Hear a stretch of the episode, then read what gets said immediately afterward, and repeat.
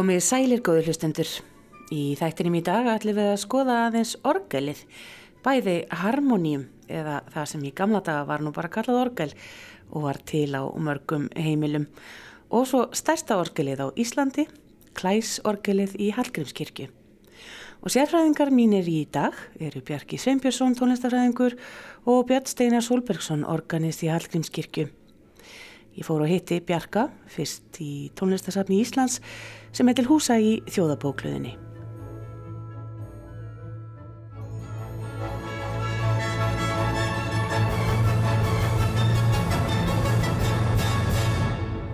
Halló, Það séu þér sko. sem leiðis. Það séu út af fólk. Útdagsfólk segir bara allt gott. Já. Hér eru þið. Hér eru við. Ha. Hér eru við heima. Loksins komnir á góðan stað. Við erum komin í, í, í hálfaleitli heimla ríkis eins og við segjum. Það er, þetta er umhverfi sem að hefðir um látt að vera okkar sama staði frá upphafi. Já. En uh, allt ferli á sinn tíma, á sinn aðdraganda og sína sögu og sína nálgun og síðan ekki síst hefur það tekið tölvöran tíma að fá aðra til að skilja þetta verkefni á sama hátt og við gerðum og höfum gert og viljum gera og, og vinnum að þannig að eh, þannig að, eh, að þegar maður er komin uh, hinga þá er, er, er, er fólk sem að vinnur í, í svipuðum hugarheimi og við og skilur hvað við erum að segja hvað erum að vinna að og svo komum við og fáum að vera hluti af þessu þessum stórmerkilega umhverfi sem er þjóðabóklaðan. Ég gerir mér ferðingað síðar til þess að skoða fleiri dýrgripi en ég er yngi að koma til þess að spjalla við þig um harmoníum og hér sé ég fallegt harmoníum. Já, þetta hljóðfæri barst okkur norðan úr og frá Húsavík. Um, okkur var bóðið það til eignar á sínu tíma og af því að hljóðfæri var svo afbörða fallegt þá þáðum við það. Þetta voru hjón um, fyrir norðan sem áttu þetta, Kristján Sæþórsson og Guðrún Jósefsdóttir og afkomundu þeirra ánöfnuð okkur þetta hljóðfæri og, og svona okkur fannst að það væri nöðsilegt að, að hafa eitt slíkt hljóðfæri allavegna hér við höndina og ekki síður fyrir þá sög hvaða er vel við haldið og er fallegu gripur. Þannig að orgel voru uh, svo mikil uh, já, guðskjöfin í Íslands samfélag að, að, að hérna fyrir alþýðu og almenning að ekki síst í upphafi það að fá loksins að, að geta mynda hljóm, þrý hljóm og uh, heyra undra heim hljómana því að hér hefðu menn hefðu ekki verið hljómandi söngur í, í, í, í gegnum söguna svona, svona allavegna þannig að almúin hefði aðgang á honum. Þannig að orgelið opnaði þann dýrðarheim og maður hefur lesið í frásögnum og heyrt svona heyrt af því að fólk hafi setið og og, og, og hlusta á hljóminn í hljóðfærinu Nú hafandi það í huga að svona út frá teknilegu sjónamiði, frá orgelið versus til dæmis piano, að þá skulum við rifja upp þessa afbörðafallu og þekktu mynd af Gísla Uppsölun sem var dreyin upp og þegar hann spilaði orgelið.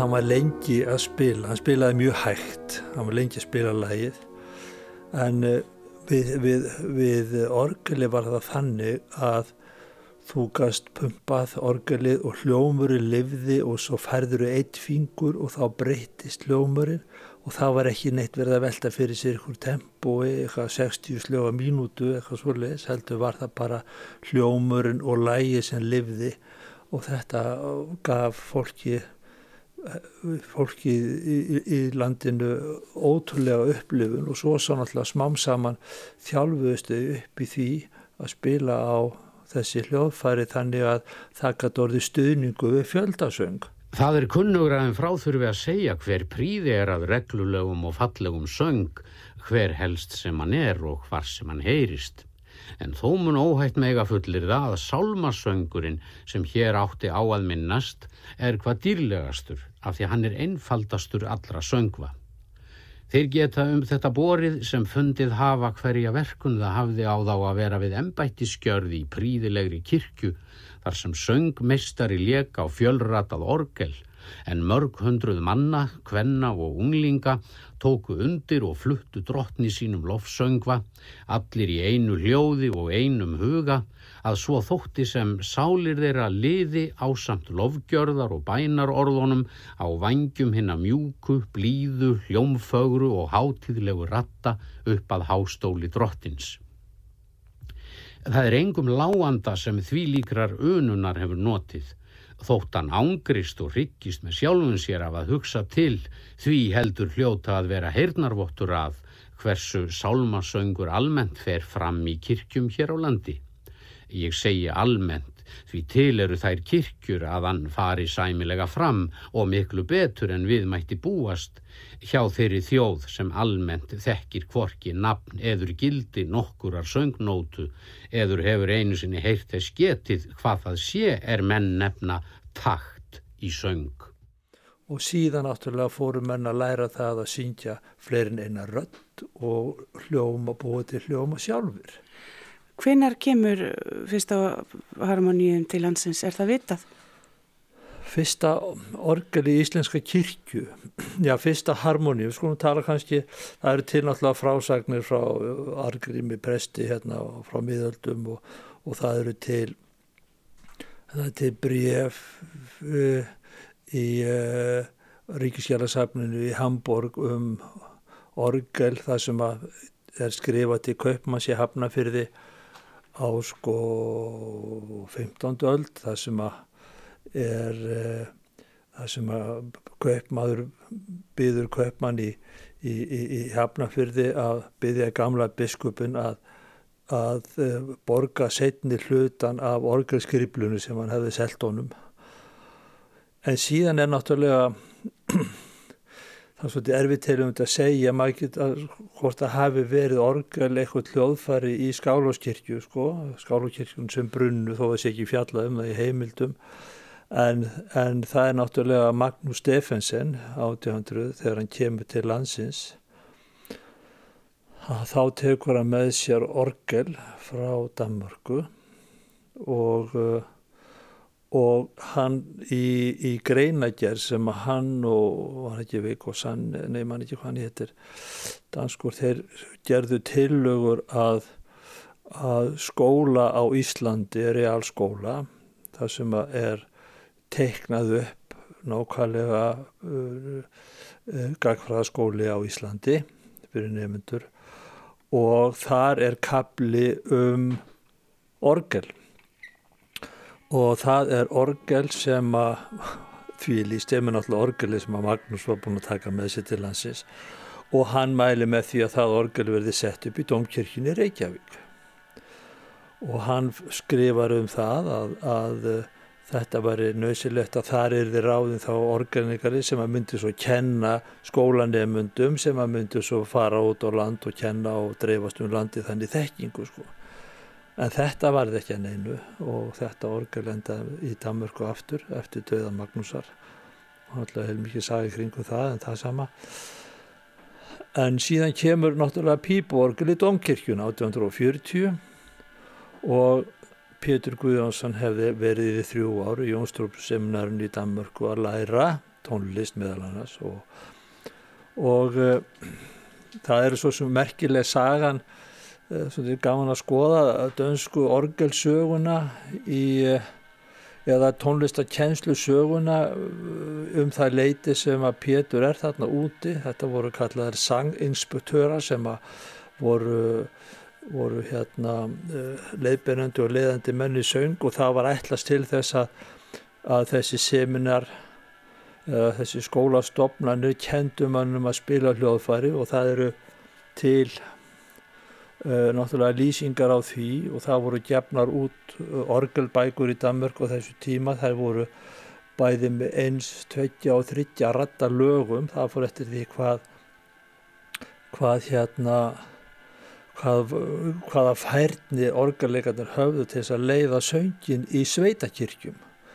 Og í sveitakirkjum í Danmörku var náttúrulega var það kennarin sem leiti þetta og, og með við lýsingar á söng þar og, og lýsingar, Magnús Steffensen náttúrulega lýsi kirkjusöngu í Íslandi í, í, í eftirmælum átjandaldar sáttlega sem hræðilega lýsingar en uh, það eru til álíka lýsingar í dönskum uh, um söng í dönskum kirkjum á þessum tíma og og það sem er mjög aðtillisverð sko að Magnús Steffensen skrifar í þessari grein um um, uh, um hérna skólana í Reykjavík að að, að sko sálmatni voru sungnir hægt og guðstyrjusna voru alveg upp í fjóri tímar og predikanir pressins voru uh, minnstakosti, sérstaklega þeirri eldri voru minnstakosti klukkutími. Og fyrir predungun sungnir sex sálmar langir eins og hann segir sko. Þetta var líka í Danmörk og það var sungið svona hægt og, og viðkenningin til og með sín Norður-Európa þessum tíma með hraða í lögum var að það voru uh, eitt slag var 60 eh, sekundur sko var, eh, eh, já, það var sekundar sko fjór, fjórði. Þannig að það var uh, fjórði partur var, var, var sem sagt sekunda sko, já, 60 slag á mínutu en, en hérna en það sem var að alla nótur á þessum stíma voru skrifaðar með hálfnótum. Það voru bara tvær nótur í taktinum. Þannig að laugin voru sungin alveg afspyrnu hægt og í Danmörku voru organistar sem gáttu spilað. Söfnurinn hafði og það er kannski má heyra það í íslensku kveðskap hann hafði þann síð að eftir hverju hendingu var tónni dreygin út í það óendarlega og organistinn gæti náttúrulega ekki verið að halda nýri hljófnum þannig að hann, það kom svona hefð að þeir fóru að spila improvisjónir með hana yfir lægin með hana uh, fantasera í, í kringu salmarlægin með hana sefnir var að halda út þessa löngu tóna. Og, um, og hérna og það eru til svona ymsælýsingar af þessu en, en það sama, orgeli kemur hérna 1840 og Pétur kemur heim og, og, og byrjar að byrjar að hérna að tegu með sér danska salmabækur sem voru þá og var að reyna að hérna, koma þeim inn í nýjum lögum inn í. Það sem hefði gerst hérna var náttúrulega uh, eftir að eftir að salmabókin sko lergerður sem köllu var að tekinu upp og grallan aflagaður sko. Þá komu hann, hann segir Magnús Stefnsen í formálun undir hvaða lögum eigi að síngja þessa sálma sko. En það er enga nótur með nema einhverja af þrejum fjórum lögum eitthvað svo leiðis og síðan kemur Arisheim 1855 með þessa bók leiðavísi til að leika á langspil og þar eru í sálmalög. Og þannig lærði þjóðin fyrst svona smátt og smátt að, að þessi sálmalög sem við þurftum kunna til þess að syngja við sálmanna sko svo kemur Pétur 1861 með ennrættaða sálmabók og svo setna kemur hann þryggjarata Þannig að þegar eru komið þryggjarætta sálmabók þá er svo sem hefur samfélagið einhverja bækur til þess að styðjast við. Og það er svo 1872 sem að, 1871 sem að er prestur sem að hafði verið í domkirkjunni flitur að melstaði miðfyrði og hann var vanur orgelspilu úr domkirkjun, hann hefði verið organisti þar og sonur hans drífandi og hann stopna til þess að það er keft orgel í kirkjuna og það er fyrsta eftir söguna dæma sem við þekkjum til fyrsta harmoníu sem kemur í Íslenska sveitakirkju 1872 og síðan e, e, veit ég ekki alveg nákvæmlega sko hvernig þetta er. Það er talað um að 1875 komi í Arnabæli í í, Ölfusi, kirkjuna þar, þar var dóttir Pétur Guðjónsens prestfrú. Nú síðan kemur 1876 og stokkseri og svo bara fer þetta að hlaðast inn og ef maður skoðar innflutningsskýslur frá kringum aldamótin þá eru alveg framöndi 1930 þá eru fluttinn með 200-300 orgel á ári. Og þau dreifast um landið og um, bændur sumir sem að báru hlýhug til músikalskra eiginkonu sinnar Þeir gáðu þeim gjarnan hljóðfæri og það þóttu nú bröðl á mörgum bæjum að vera að kaupa svona. En svona smám saman kom þetta inn og þá urðu náttúrulega til alþýðu skólanir og skólanir fórkjar og fólk var að hittast og, og, og, og ungmennafélagsreifingin kemur og fólk verið að syngja miklu meira og þá er gjarnan í samkomum uh, sapnast saman við hljóðfærið og sungið. Mm. Og svo Uh, og það eru þá er ég að koma inn í lögin í samfélagi, norran lög, þísk lög og ymmislegt annað og hefti Jónasar Helgason að söngvar á hvæði sem koma út fyrst á 1874 uh, hörpuheftin og svo áframinn tíu hefti sko með fullta alþýðu lögum, stengrum með Tostinsson, yrkir eða þýðir texta og, og, og þarna uh, fær þjóðun fyrst uh, verkfæri í hendurnar sem er, eru alþýðulögin sem að byrta svo síðar sumuleiti í fjárlegunum 1915, Sikur Seinarsson og Haldur Jónsson og svo áfram og þetta er það sem er sungið endalöst uh, inn, inn, inn til samfélagsins og þessi inn í þjóðina og uh, þannig verður ver svona smá sama til þessi kurva af nýju lögum uh, sem að þjóðin tekur til sín. Og núna kannski bjartar og lettari lög líka sko heldur en bara sálmatur. Því að ef maður vildu syngja kersna vísu þá var það að syngja það undir sálmalögum að því að engin kunni önnulögum sálmalög.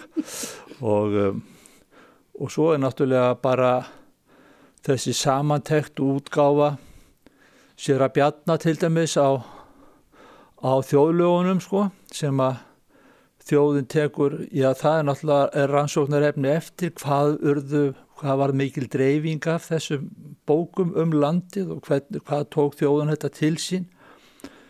Uh, ég hef aðganga búin að finna mikið bregasamskipti björra bjarnar við Kaupmannhöfn í kringum alla útgáfuna og, og fundagerði Karlsbergsjósins og allt þetta, búin að finna þetta og segja nú kannski frá því síðar og hérna og svo er náttúrulega söpnu þjóðlegana í, það er eittir um nótunar og annað. Og hitt er svo fluttningshátturinn og það er til í tvennum formi hér, arfið eins og það var áður. Það er annars vegar upptökur Jóns Pálssonar föðurbróður Páls Ísussonar af Vaxholka frá 1903 af Sálmasöng og ymsuðu þess aftar og svo aftur á móti hinn verallega arfur þar að segja þjóðlegin sem eru til varfitt og fluttningsháttur þeirra í Vaxholkum Jóns Leifs þannig að þetta er nefnilega að, að, að sko nótnakerfið okkar, þið vestræna er ekki byggt til að taka alla þessa núansa inn þessa, þessa skreiti tóna og sko þú getur ekki flutta á samanhátt með því að bara fá nóturnar. Þú þarft einhvern veginn að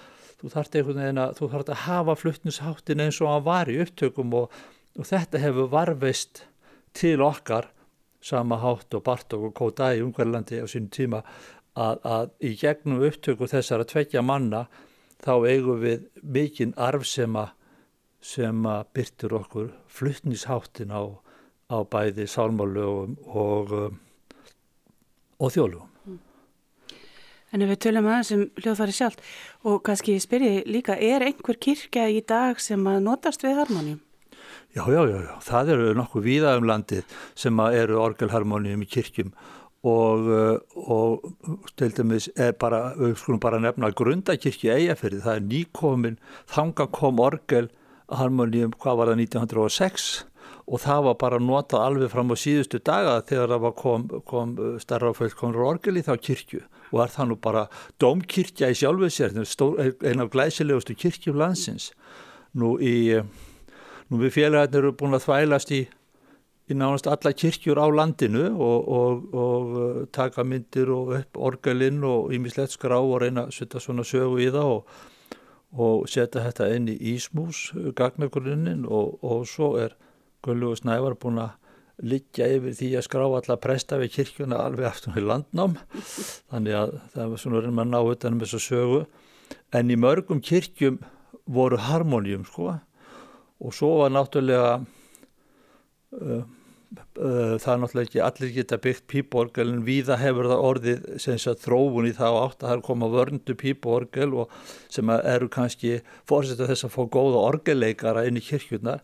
En svo er náttúrulega Ramásorgelvæðingin á tímabili sem að var ímsum sveitum landsins og, og sem að kirkjulendi vandraðum því að það var gefið að Ramásorgel í minningu einhvers fallin ættingja og svona og, og en alltaf þetta bilað og vandamáli með harmoníumorgelin svona upphæflega voru þau að, að kirkjurna voru ekki kynntar mm. síðan komu menn í slappi og uh, í vaðmálsfötum og öll og, og gengu inn í kirkjurnar og, og, og svo hos Guðsjónustan og eftir svona hálf tíma af slaga þá byrjaði að rigna inn í kirkjunni og orgeli fór að vinda upp á sig og nótur að hljóma endalust eða þagna og allt fast og það var eitt vandamálið og hitt vandamálið var náttúrulega að belgurinn í orgelinu úr skinni og það náttúrulega fannst músonum afskaplega gott og maður hefur séð maður hefur séð sko uh, uh, á orgelum í nokkrum kirkjum að svörtu nótunar sem eru þá úr annarkot íbynhold eða einhverju góðum við, við, þær eru nagaðar. En ekki nema kanturinn á rétt brúnin á kvítunótunum. Þær eru þá fílabein eða einhverju hörðu efni og mísna réð ekki við það. En það tóku treð og maður getur séð á hljómborðinu einstökum kirkjum Uh, sérstaklega eldri orgel sem eru höfð upp á loftunni sett í hliðar og þá er, er, er, er nýja orgeli sem hitt er varðveitt. Og, uh, og hérna og þá sér maður það að mísnar hafa komist í það sko hmm. Eða að heyra aðeins hljóminn í þessu fallega hljóðfari hérna? Já, við getum gert það. Og það er eins með þetta eins og fólk veit að það er hægt að toga út þarna alls konar rattir og og þetta er hljóðfæri að gerðinni Lion and Healy frá Chicago. Já, það er nú ekki nema fáið tónu, ég er ekki undirbúin undir þetta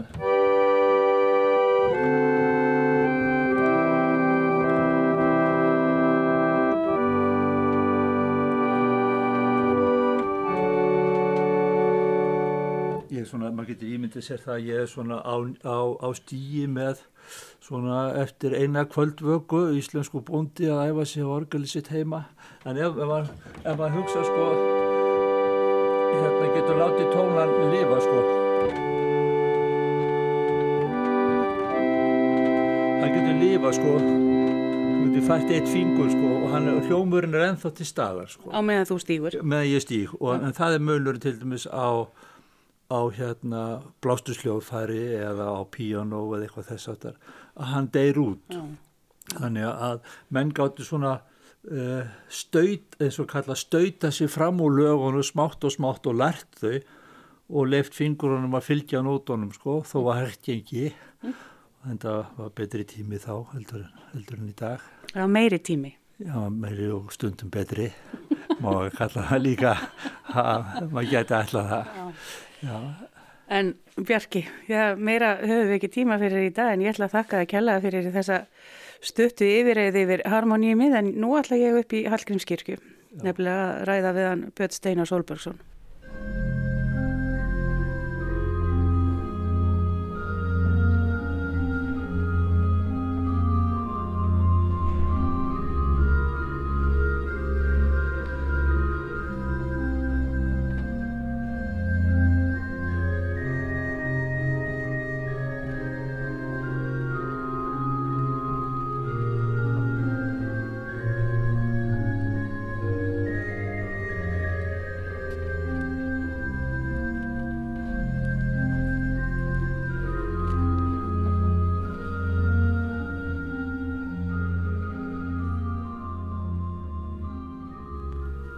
Og hingað í Hallgrímskirkju er ég komin eins og þið heyrið á hljómburðunum núna.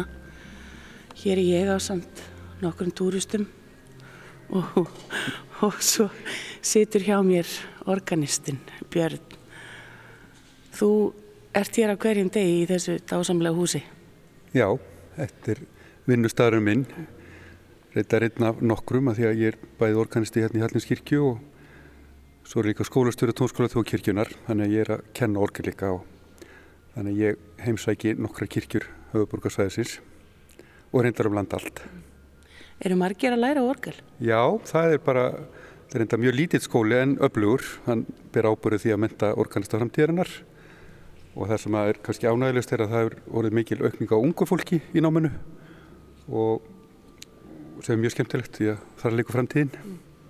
Hvað þarf maður að hafa? Þarf maður að hafa einhvern grunn til þess að komast inn í þennan orgelskóla? Já, það er svona sangvært námskráni þá er gerðað kröfur um að hafa lókið miðstíi á piano og það er svona algengast að fólk hefi sitt tónlistarnám áður að fyrir orgelnámið á pianonámi og það er svona er skilirið að, að sem, sem búið að lóka miðnámi í pianoi og síðan byrja maður rauninni án miðnámi í orgeli. Það er ekki tilnit sem heitir grunnám orgeli, það er maður að byrja á miðnámi og síðan heldur það bara áfram. Og þá þarf maður að bæta fótónu við. Akkurat. Og það er svona kannski típisk mín persónulega saga. Ég byrjaði að læra á piano sem ungur drengur á Akranesi, 7-8 ára gammal og læriði hjá mjög góðum kennurum þar. Uh, síðan var ég nú svo heppin að, að á þeim tíma var Haugur Guðlússon sem var organist á Akranesi og síðan söngmálastjóru þjóðkirkjunar.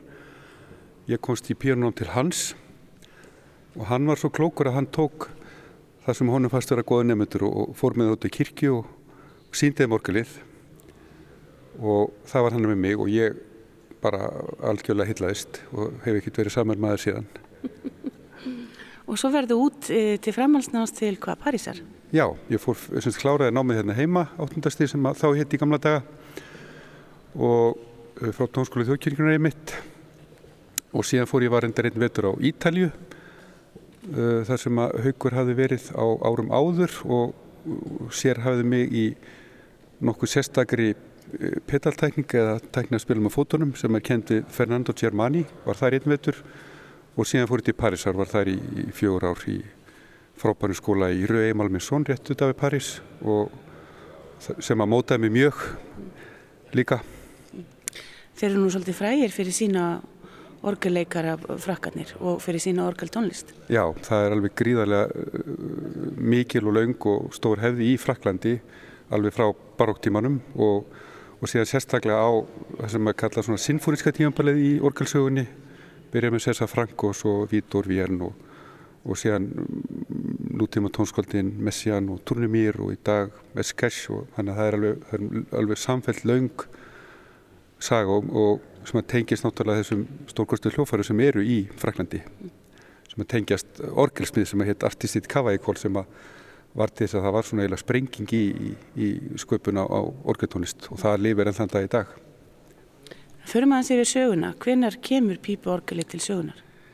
Orgel á sér mjög langa sögu, það er nú, uh, ég er nú ekki sérstaklega ártalafræðingur en það er sko, það er svona, byrjar alveg bara í, bara í fornöld með það sem að kalla vassorgel eða vasspíporgel sem að, sem að hérna, og síðan þróast orgelin mjög hratt á, á, á reynisanstímanum og náttúrulega á baróktímanum sem að verður svona ákveðin hápuntur.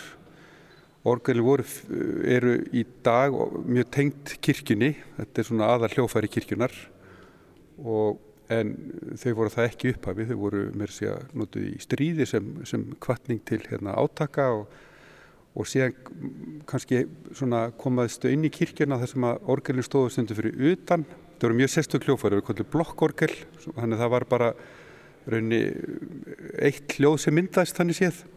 Og það var notið til að kalla til kirkju og síðan svona einhvern veginn smá sem hann komist inn í kirkjuna og síðan fá öll þessi stórmerkileg tónskáldir einnigast tímabilsins eins og Sveling og síðan bara heldur þróun áfram í, í sérstaklega í, í já, það er svona eiginlega, hvað ég að segja, þrískipt. Það er, það er alltaf þessi merkasta saga á barugtímanum sem að endar, endar með þessum risa sem er Jóhann Sebastian Bach sem var orkanistið sjálfur og samti greiðlegt magna tónlist fyrir orgel.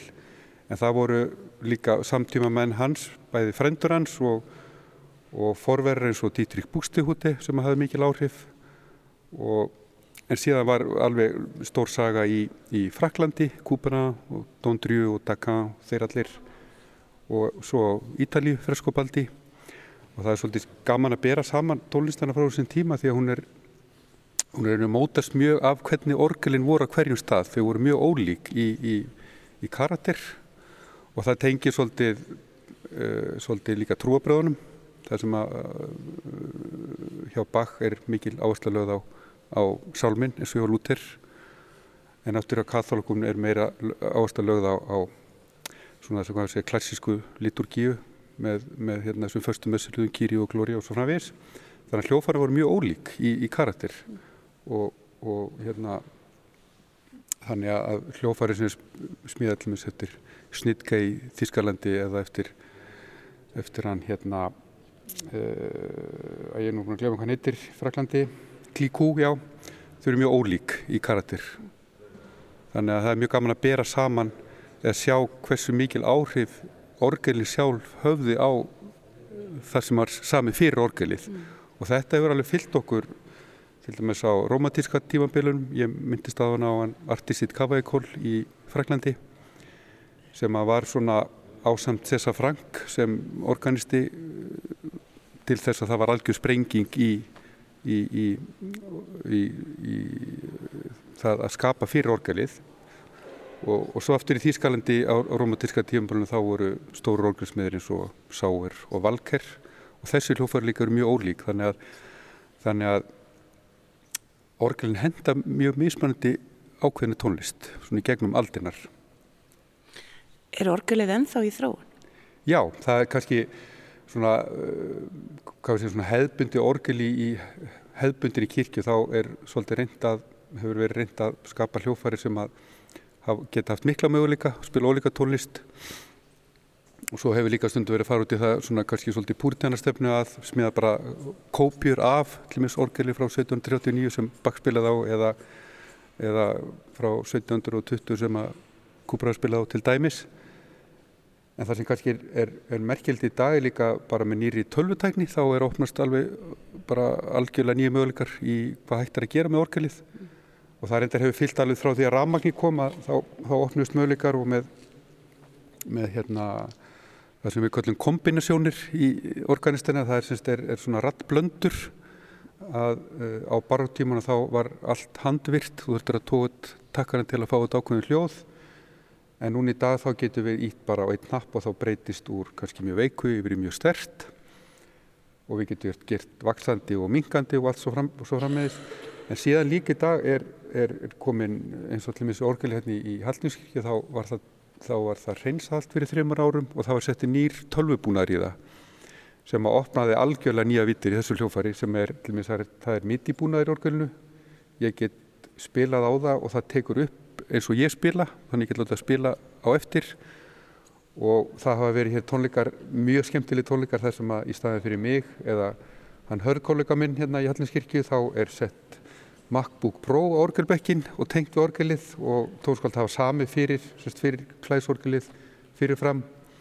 Og síðan hafa verið hér gjörningar þar sem að er svona, hvað við segja, interaktíft þar sem að svo sem er að vinna tölvuna fær hljófæri til að, að gera eins og hann vill þannig að er bara, þar, þar er einhvern veginn algjörlega nýjar vittir og við höfum verið að heyra hérna hljóðu orgelinu sem aldrei hafa heyrst áður. Það er til að opna vendlana lítið sem við getum ekki gert. Það er að láta að spila ótrúlega hratt miklu hraðar heldur en mannfingurinn get, getur gert.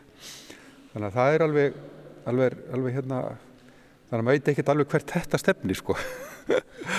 Þannig að þetta er mikið undra fyrirbæri og kannski ekkert skrítið með þetta reysa hljóðfari að alltaf ef einhverju svona snillingar eru galnir að þá spila þeir alltaf orgl Já, það er bara fylgind aldrei mikið sko sögunni, það er einmitt talandu um galna galna organista. Það er til mis e, bara típist eins og með eins og það er mjög marga píanastir sem dreymir um að vera organistar það er bara hef, hef alltaf fyllt sögunni. Bara Ramars til dæmis, hann, hans fór að semja fyrir orgel þegar hann voru fullorinn maður.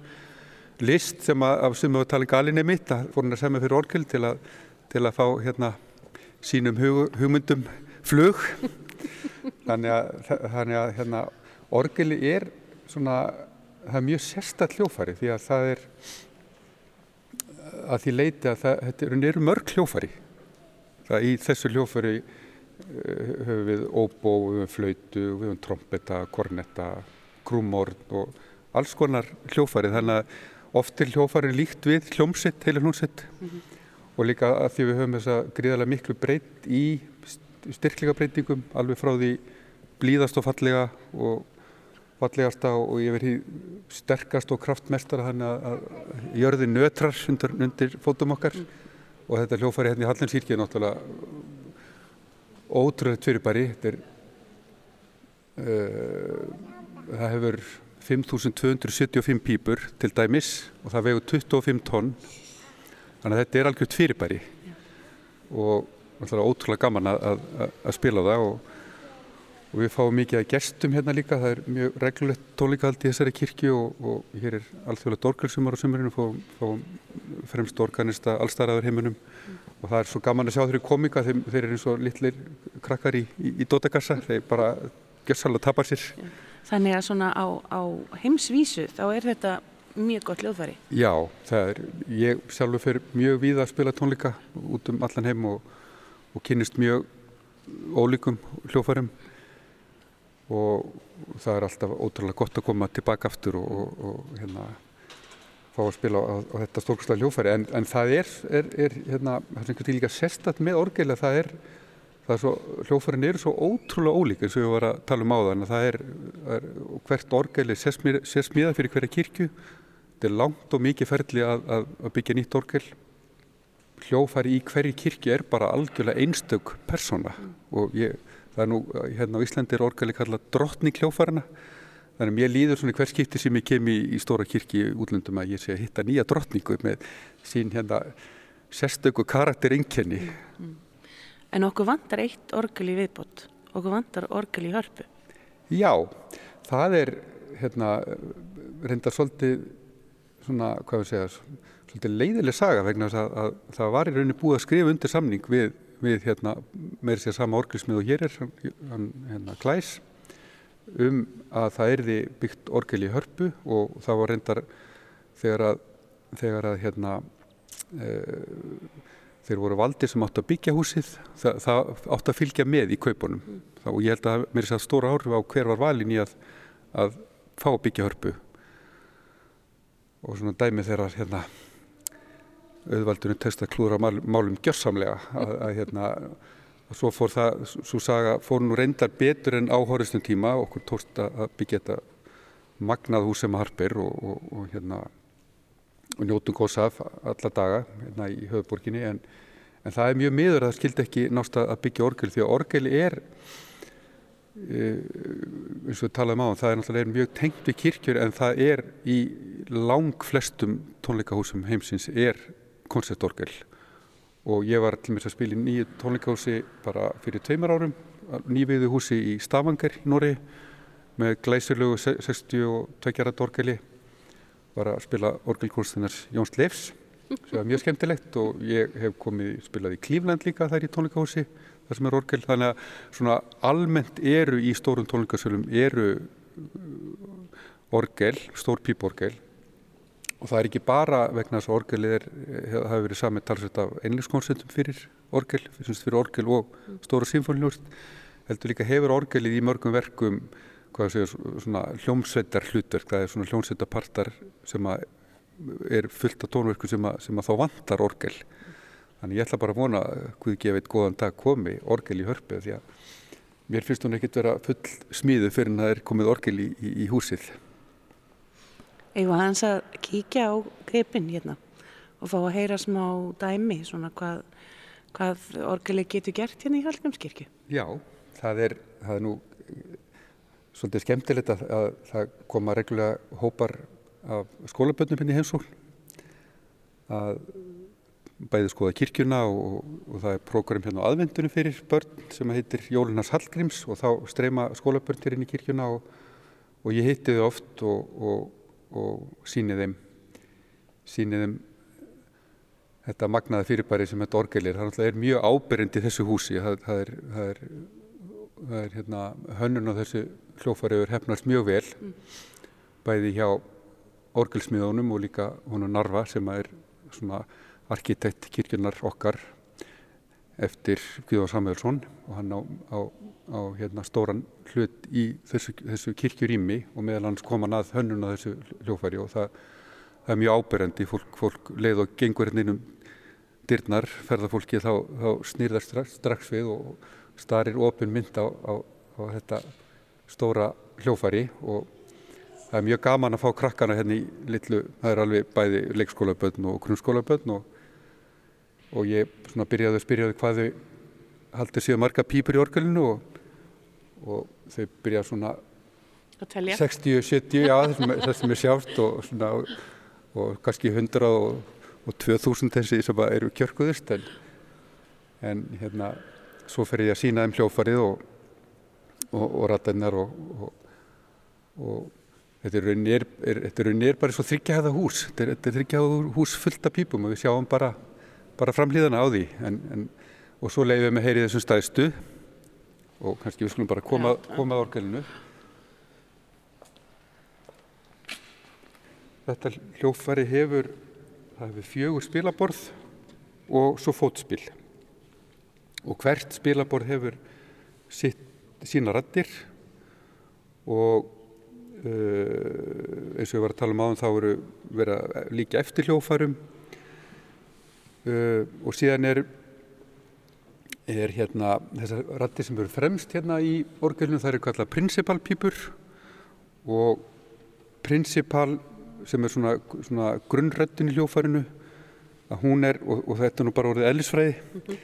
það er semst til þess að, að þú ert nú pianisti Andis Björk þá þá er sem sagt það sem við kallum áttafetta rödd í orgelinu það er rauninni til að setja að spila djúpa séð mm -hmm. þetta er bara eins og piano, það er að djúpa séð orgelinu sem er þetta hér það þarf að vera áttafett frá munnunum og upp úr frá munnunum fremst á pípunni og upp úr ah.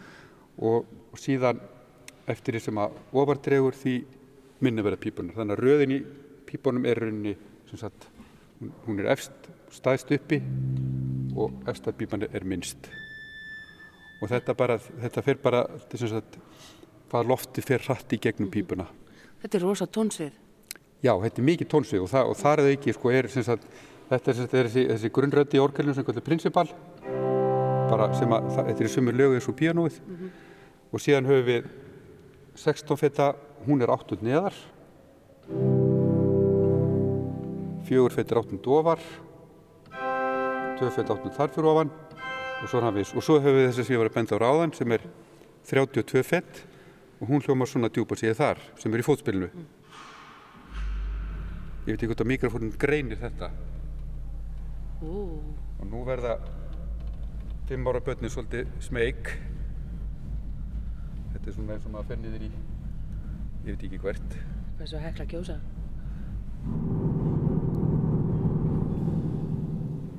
Nú verður litlu leikskóla svolítið smeg þetta er svona dýfstu já, líka, já, þetta er svona dýfstu dýfstu, þetta er svona uh, hérna þegar orgelega þarf að tólka eitthvað sem er annarkot niður í neðsta eða, eða svona eitthvað sem er svona mjög svona þegar við erum í, já, niður á dýpinu. Alveg þetta er mér í huga Jón Leifs hafi notað þetta. Já, já, hann, og hann baði um í orgelkorstun sérstaklega um þessar pípur sko, rákvæmlega og, hérna, og hann reyndar, það er svona eitt af fáir skiptuna sem að, að þetta orgel hefur þurft virkilega taka á því að hafa við symfóliunustinni því að það, það voru bæði, það, bæði stór symfóliunust og svo náttúrulega mikið að slagverk eins og, eins og, eins og hann átti til. Þannig að þar fekk ég að setja orgeli gjössamlega í botn sem að maður gerir ekki á hverjum degi hér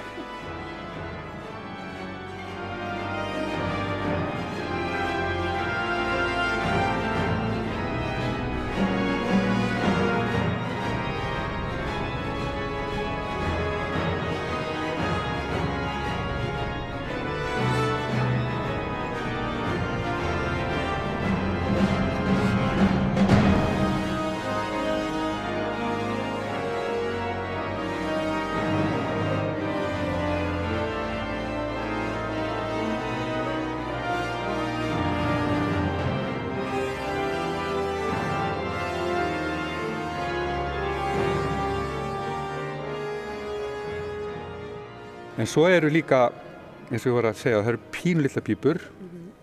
eins og allir með þessi hér sem heitir Piccolo, er líka eftir Piccolo flötu. Mm. Þar er dýfsta pípan bara eitt fett sem er þessi hér og svo eru faraðær bara og eru bara alveg pingu pingu litlar þegar þetta sem eftir er komið.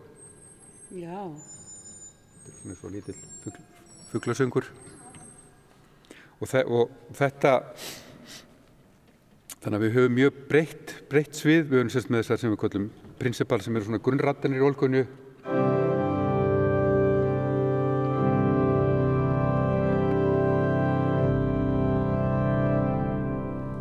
Svo höfum við ratti sem eru, eru megniða pípunum er smíða úr, úr, úr hérna, blöndu af blí og tíni en það eru líka trépípur.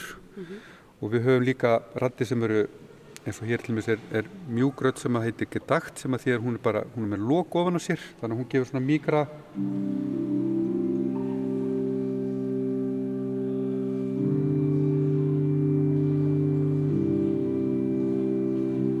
og svo erum við flautur. Þessi er rörflauta með litlu röru upp úr sér. Valdflauta sem er skóarflauta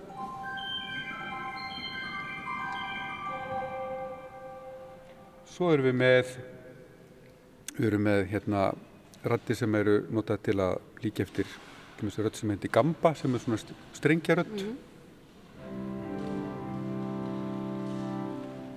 Við erum með aðra sem er stilt við hliðinánu sem er stilt pínu fölsk og kalluð vokst sölesti sem að því er svona himniskrödd.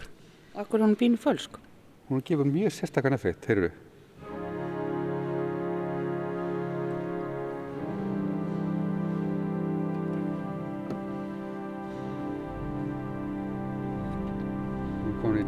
Til bara. Hérna er flauta sem heitir doppelflauti sem líkir svolítið eftir þörr flautu.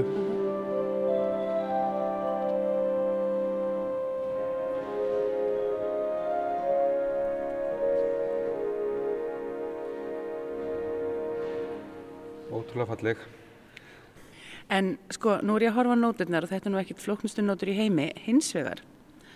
Uh, er þetta sko þrýr, þetta eru þrjár rattir, eða ekki þrjár rattir, ég raun og veru þrjár línur. Eru þið ekki einu hljóðfæra leikararnir sem að þurfa að leika þrjár línur? Jú, ég held ekki til fullir það. Þannig það er hægri, vinstri og svo er það fæturnir. Þið, heilin ykkar hlýtur að vera þróaðar en annara, er það ekki? Sko þetta er alltaf bara spurningar sig á öllum tónlistamönnum um að æfa sig. það er svona nummer 1 og 3.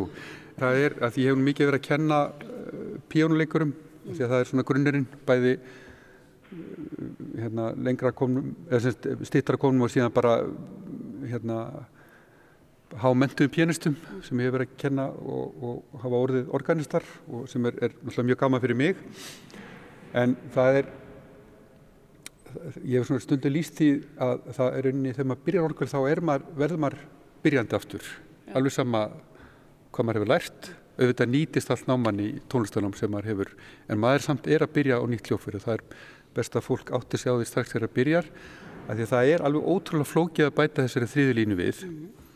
og, og það er kannski svona ég hef stundu líst í þetta svona eins og maður fari í heilaskurð aðgerð á, á, á þessum nefnendum að að, hérna, en það eru til mjög markvisar góðar kennslaðfyrir til, til að þannig að, að uh, góður píanisti hann eftir veist, fjögur fimm ár er hann orðið mjög góður organisti þannig að það er alveg framkomilegt en, en, en, en byrjunin er getur verið mjög örfið mm. og það reynir mjög á þólumæðina því að það, kannski það sem er að því að heilin er eins og hann er nú stórkværslega magna fyrirbæri að þá er hann líka mjög vannafastur og fyrir píanasta sem er kannski búin að spila í 20 ár það sem að önnu línan er fyrir hægri og, og næri línan fyrir, fyrir þá vinstri að þegar að fótspili bætist við að þá fer segir heilin vinstirendun átomatist að fara nýri bassarínuna, mm -hmm. það er að segja petalínuna og, og það er mjög skrítið að horfa fólk sem veit hvað á að gera en gera það ekki vegna þess að heilin bara, hann, hann tekur stjórnina en í raunni eru bara góðar æfingaraðferðir og, og það er unni kannski byggist mikið á því að maður æfir vinstir hendana og petal það er sér fótspili mjög vel saman, saman. en fyrir vikið þá getur við gert hluti sem að unni ekkit annað hljófæri getur gert sem er náttúrulega mjög gaman. Ef að fá að heyra smá svona bút hvernig þetta hljómar allt saman þegar þetta smellir saman. Við vorum að starta hérna nýri tónleikaröð sem að kalla Orgelmattíni sem er fyrsta lögudag í mánuði og á núna eftir hálfa mánuð þá ætla ég að spila þrjá að þessum sálfröðingi baks og síðan þrjá sálfröðingi eftir tónskáld sem er nú kannski ekki mjög þekkt í, í svona hvað segja uh, svona almennt í tónlistarsögunni fyrir en hann er mjög þekktur í orgelheiminum og hétt Sigfríd Karg Eilert samti gríla mikið af, af tónlist fyrir orgel reyndar samti fyrir önnuljófæri en svona mest þekktur fyrir fyrir hérna orgelmusíkina sína. Hann er semst er í kringu 1900 í Þískalandi sem að og alltaf enda á verki sem að er svona kannski fyrir þá sem eru svolítil orgelördar er nú vel þekkt þar. Og heiti, er yfir sálmalagi Nún danget allir gott eða Nún gjaldi guðið þökk og er mikið glæsi, glæsi númer og sínur svolítið hvað, hvað stóri glæs getur gert ef hann er í stuði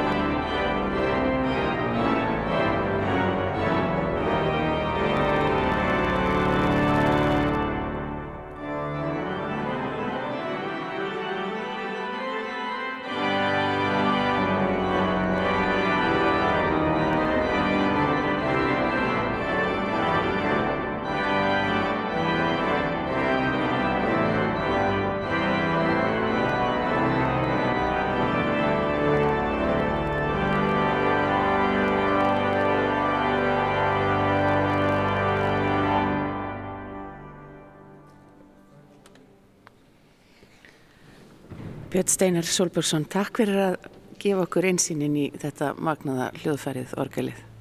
Takk fyrir komuna, gott að fá þig.